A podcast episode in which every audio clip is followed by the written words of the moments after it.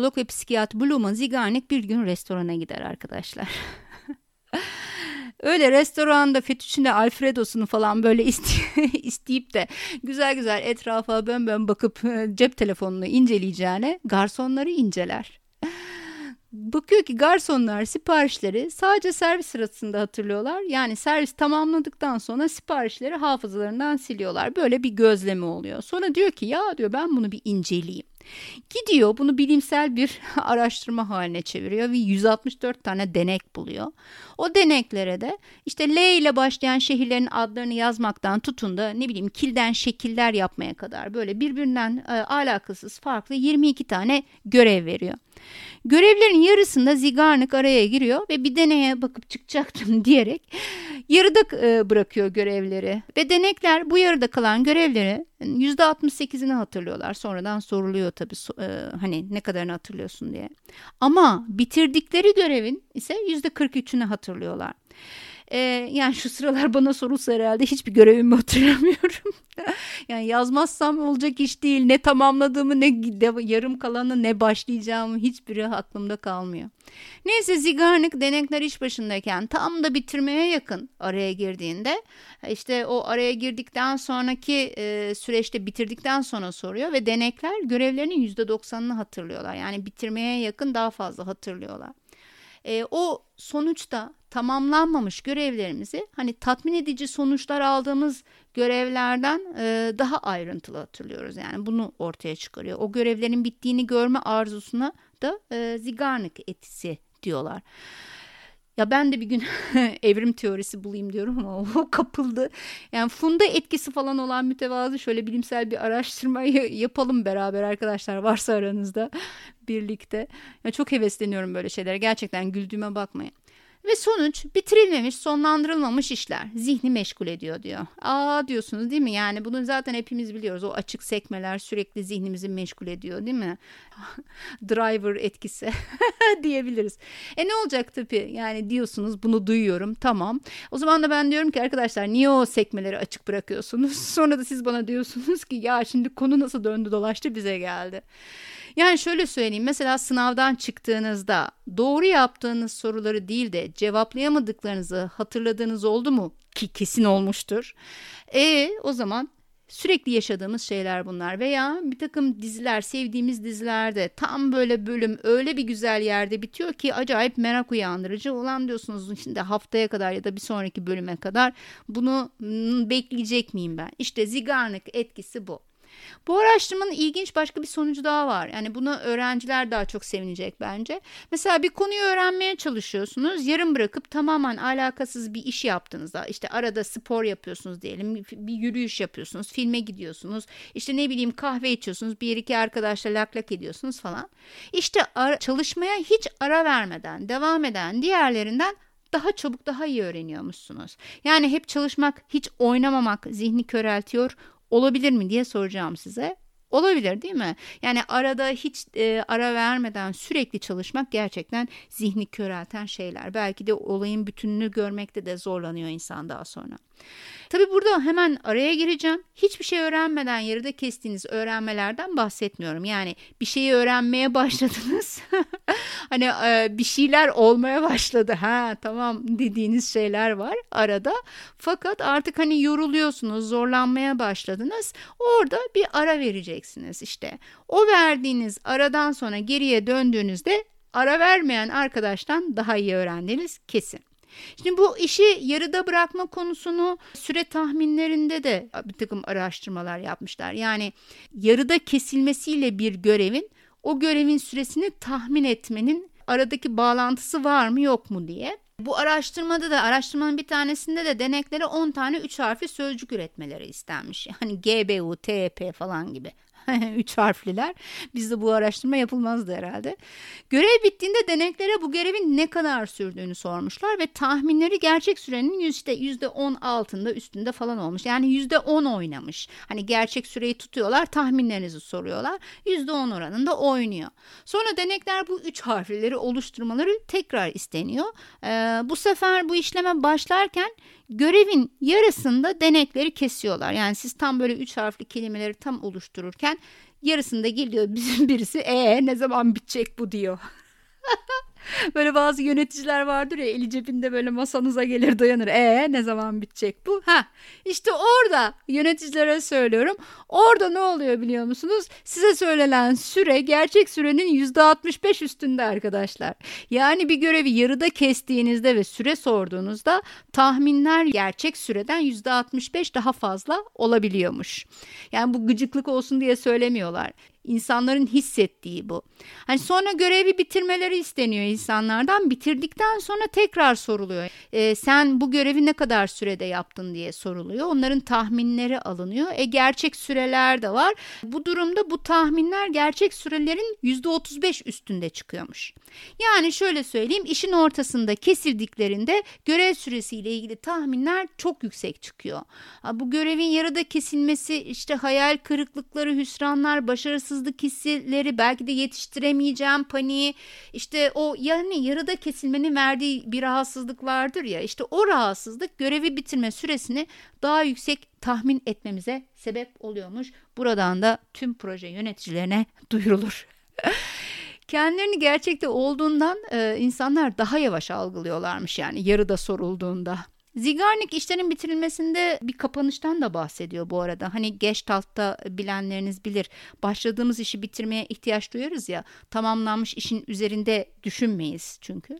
Bir görevi olması gerektiği gibi bitirme ihtiyacı, yarım kalmışların üzerimizde o gerilimi yaratması, bu tamamlama ihtiyacı. Bunlar yüzünden, bu ihtiyaçlar yüzünden e, bu gerilimden kurtulmak için o işi bir şekilde bitirmenin yollarını ararız aslında. John Gottman e, Aşk Nasıl Sürdürülür adlı e, kitabında sevgililerin anlaşmazlıklarından bahsediyor e, sevgililer arasında itirafla hani biten ilişkiler veya bir tartışma sonucunda biten ilişkileri inceliyorlar. Bu ilişkiler konuşulmadan oluşan o gergin ortamdan daha az acı veriyormuş. Yani e, bir takım anlaşmazlıklar, tartışmalar oluyor, işte bir takım itiraflar oluyor falan ve ilişki bitiyor. Bir acı çekiyor insanlar değil mi? Ama bir tarafta diyelim ki iki yol var. Diğer yolda o konuşulmayan gerginliği sürdürmek değil mi? Ee, orada çekilen acı bitirin ilişkinin bittikten sonra çekilen acısından çok daha fazla. Yani o tahrip edici sessizlik yerine konuş ayrıl durumu daha az acı vericiymiş anlayacağınız hani buradan da. duyurulur. Yani aslında bakarsanız sonuç olumlu ya da olumsuz hiç fark etmez. Bir sonuca varmak istiyoruz. Tamamlamak istiyoruz o olayı. Bitsin bu iş diyoruz. Zaten aşkta öyle değil midir? Hani Kerem ile Aslı işte neydi o Ferhat ile Şirin kavuşulmamaktan kaynaklanır hep. O acılar kavuşulmama acılarıdır. Hani sonuçta masallar nedir? Hep evlenirler ve biter. Evlendikten sonra hiç hayat yokmuş gibi.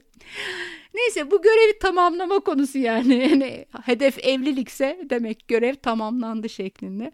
Burada Zeigernik etkisini ölçen e, Mississippi Üniversitesi de var. E, Mississippi Üniversitesi de öğrencilere bir görev veriyor. Öğrencilerin yarısına bu görev tamamlanınca size bir buçuk dolar vereceğim diyor. Diğer yarısına da hiçbir şey söylemiyor. Onlar bedava çalışanlar. Sonra her iki grubu da bu görev veriliyor. Görevin yarısında o görevin yarısı olduğu belli bir şekilde hani görev tamamlanmamış anlıyoruz onu.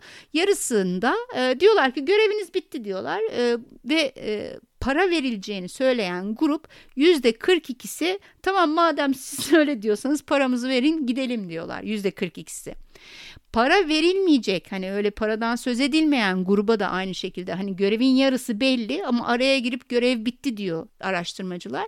Orada da yüzde 14'ü görevi tamamlamadan ortamdan çıkıyor, ortamı terk ediyor. Diğerleri görevi tamamlamaya çalışıyorlar. Yani işin içine görev para ilişkisi girdiğinde ne oluyormuş? evet. Geliyorum buradan sosyal normlarla piyasa normlarına. Eğer aile gibiyseniz çalışma arkadaşlarınızla o şirkette, o iş yerinde, o takımda o zaman sosyal normlar işliyor. Yani sadakat, şefkat, sevgi, anlayış gibi karşılıklı beklentilerle işlerinizi yürütüyorsunuz. Ama buna da sadık kalmak durumundasınız. Yani bunu daha sonra da paraya çeviremezsiniz derseniz ki ya bu sosyal normlarla giderken iş batmaz mı? Eh bir yerde batabilir bilemiyorum. Yani yok canım çalışanlara aileden biri gibi davranırsak onlar da o şekilde davranır falan derseniz şunu da her zaman söylüyorum. Her zaman söylüyorum.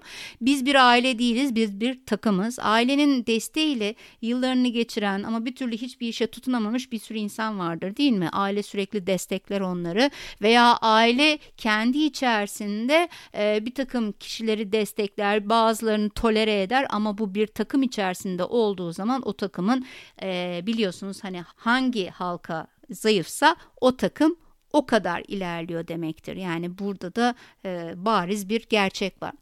Peki piyasa normları o zaman e, çalışanlarla piyasa normlarına göre iş yapacaksak o zaman çocuk yardım, emeklilik hakları, sağlık yardımları, izinler, primler, piyasa koşullarından bahsetmek gerekiyor. Her iki tarzı aynı aynı bünyede taşıyamıyoruz. Bu böyle. Hani arkadaşlarınıza mesela yemeğe gidiyorsunuz diyelim. Yani bunu biraz daha farklı bir şekilde açıklamaya çalışayım. Oturdunuz birlikte yediniz içtiniz. Gecenin sonunda siz diyebilir misiniz? E benim hesap ne tuttu diye. Vallahi sizi terlikle kovalarlar. en fazla giderken ne yapıyoruz? Bir şişe şarap, bir kutu baklava bir şey götürüyoruz değil mi? İşte burada sosyal normlar, normlar işlev görüyor. Kalkıp da işte size kurduğu masanın maliyetini kişi başına bölüp üstüne de benim de işte neydi kuver vardır falan diyemiyor kimse. E, ya da ne bileyim bunu e, sürekli de kılmanız gerekiyor. Sosyal normlarla ilişkinizi sürdürdüğünüz kişilerle süreklilik sağlıyorsunuz. Çaya gittiğimde ben para parasını vereyim de yemeğe gittiğinde vermeyeyim gibi bir şey de yok. E, Valla yani hakikaten e, herhangi bir arkadaşınıza teklif etseniz muhtemelen size küser görüşmez. Yani kapının önüne koyar. E bunun tam tersini düşünün. Restorana gittiniz bir şişe şarap bir kutu baklava evet biz geldik diye böyle masayı donatıyorsunuz falan sonra da kalkıp gidiyormuşsunuz. Fatura matura yok. Yani garsonlar sizi yaka paça atar götürür değil mi? Çünkü restoranda piyasa normları işler. Bir yerde hangi normlardan bahsediyorsak o normlarla iletişim kurarız. O normları çalıştırırız. Şimdi dönüyorum öğrencilerin görevlerini tamamladıkları için verilen para konusuna. E çocuklara bir görev verilmiş. Onlara denmiş ki bunu bitirirsen sana bir buçuk dolar vereceğim. Sonra yok yarısında söylemişsin yok görev daha bitmemiş falan bakmazlar ki. Sen ona o iş bitti dedin mi dedin. Yani vardır bir bildiği alır parasını gider. Ama sosyal normlar işlerse yani sadece görevi tamamlamak gibi kendine verilen bir hedefi sonlandırmak, tamamlama hazını yaşamak, kendine bir işi tamamladığı için yeterli bir başarılı hissetmek, bunları almak ister. E, baktı o görev yarım, devam eder. Bunu şey gibi düşünün mesela taşınırken size yardım eden bir arkadaşınızla taşınırken tuttuğunuz hammallardan bahsedelim. Yani hammallar işte son e, eşyayı da kamyondan alır yukarı çıkar parasını alır gider. Arkadaşınız bununla beraber sizle kalır.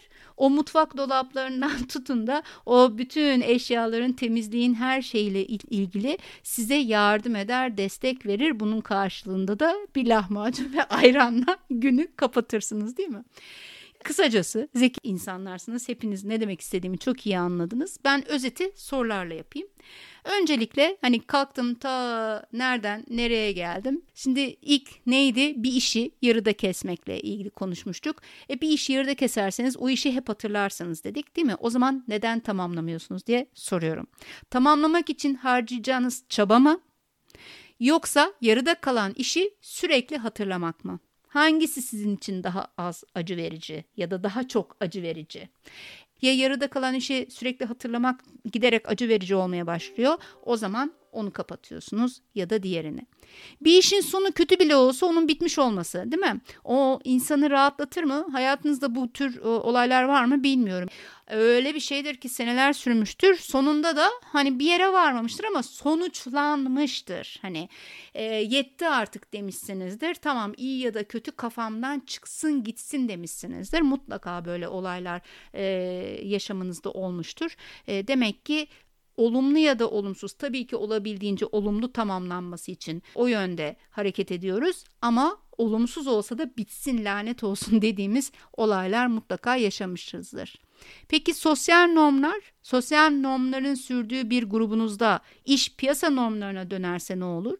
Arkadaşlarınız size hediye getirdiğinde bunun da şu kadar tuttu e, işte fişini de vereyim derse akşam size gelirken işte şarabını aldı baklavasını getirdi ya baklava da çok pahalı biliyor musun fişi de burada falan dediniz.